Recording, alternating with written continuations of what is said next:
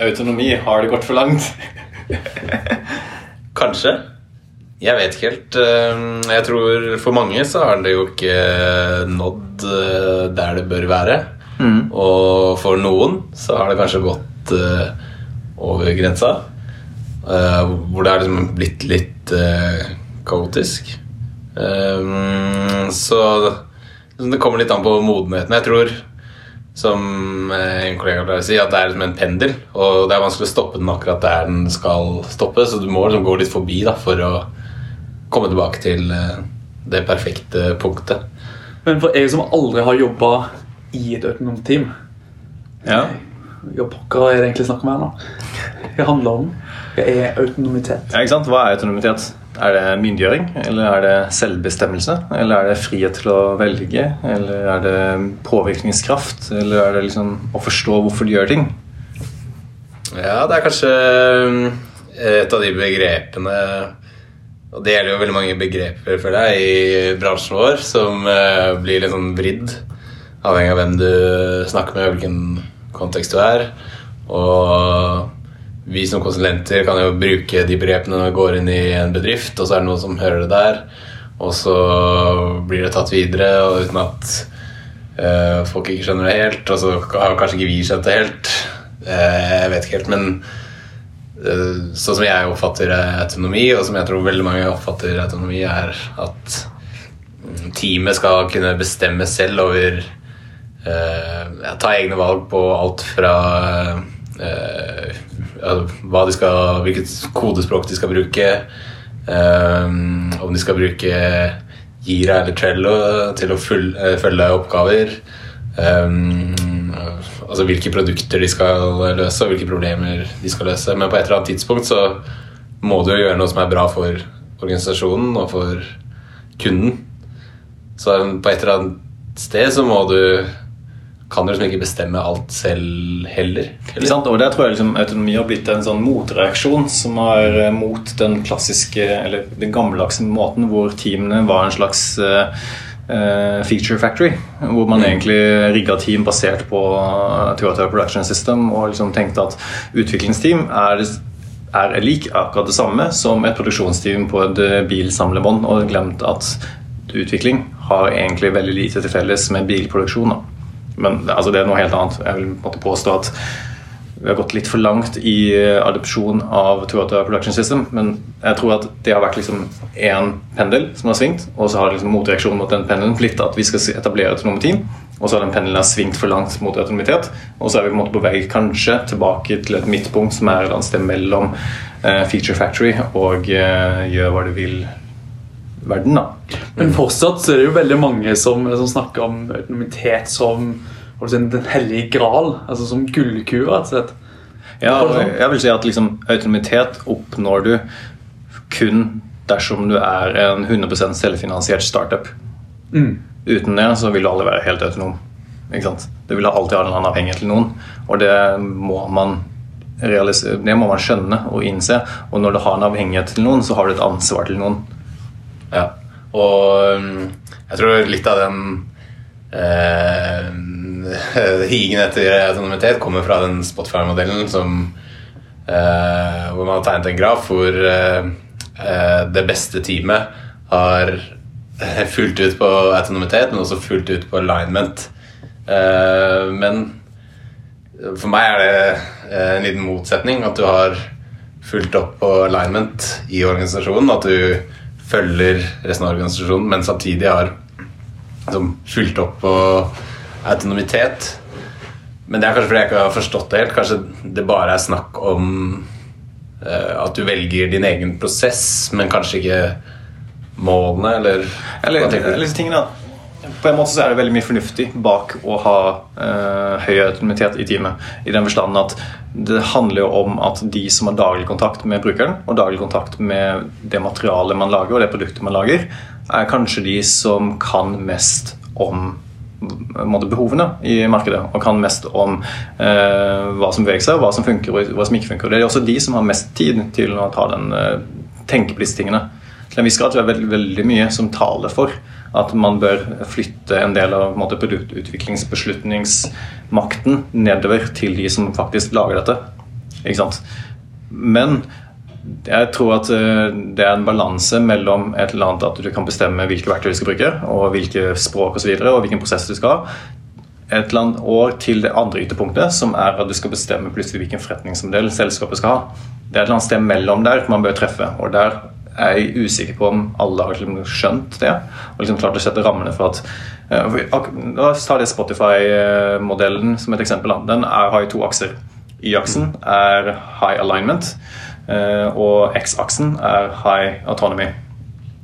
Nederst til venstre i den eh, kvadranten her så er det anarki. Ingen vet hva de skal gjøre noe som helst. Lav alignment og lav autonomy. Hvis du beveger deg et steg til høyre, som vil si lav alignment, men høy autonomy, så er det rett og slett at du håper at noen fikser riktig problem. Og jeg tror det er der vi måtte, kanskje er i overslag av alignment nå. da, man glemt uh, Overslag av autonomy. At man har glemt av alignment. Og så har du den kvadranten som er høyt opp på alignment, men lavt på autonomy, som er vi skal over elva, bygge en bro, type ledelse. Og den er effektiv. Du får bygd en bro, og du får kommet over elva.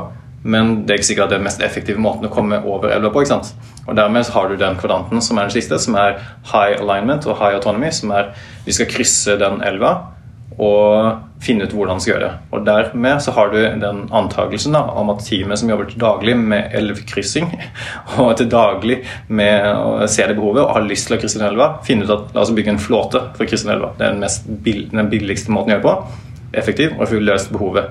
Og Det er kanskje ikke noe som han sersjanten måtte ha funnet ut. Men det der problemet begynner å oppstå, er at når du ikke setter rammene for hvordan de skal krysse den elva, så kan det godt hende at et team som ikke helt har skjønt rammene, sier at vi la oss kjøpe en flåte med helikopter og fly over elva. Det er, liksom, det er overslaget av autonomi, da. Eller at det teamene finner ut at vet du hva, det å krysse den elva her er så vanskelig at det er ikke innenfor scope av det vi skal jobbe med, så la oss heller bare bygge et telt. ja.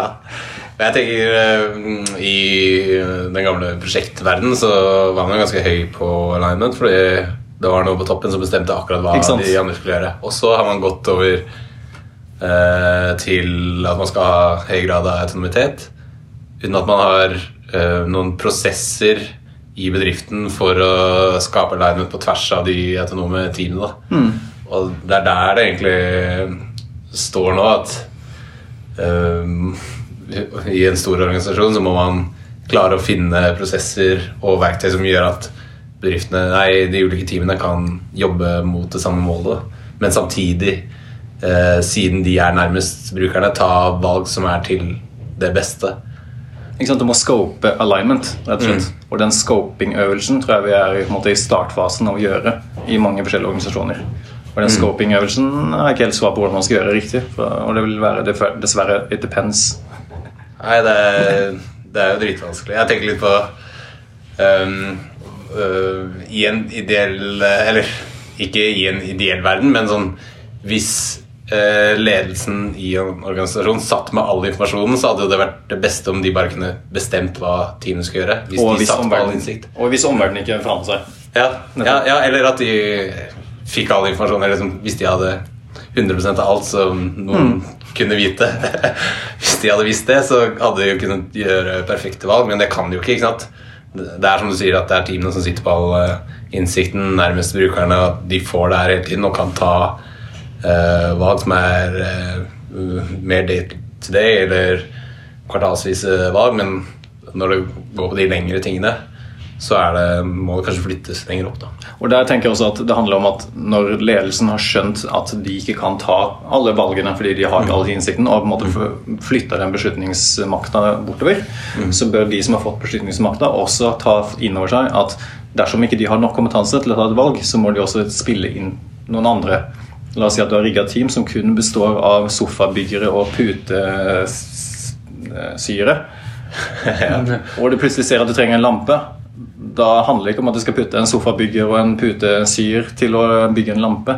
Det handler om at deres team har et ansvar for at vi trenger å onboarde noen nye til å bygge lampa, eller vi trenger å flytte det over til lampeutviklingsteamet hvis man tilfeldigvis har det. Kanskje et dårlig eksempel. Rart eksempel. det har du rett i. Det var et rart eksempel. vi sitter i et rom med lamper, sofaer og puter, så ja.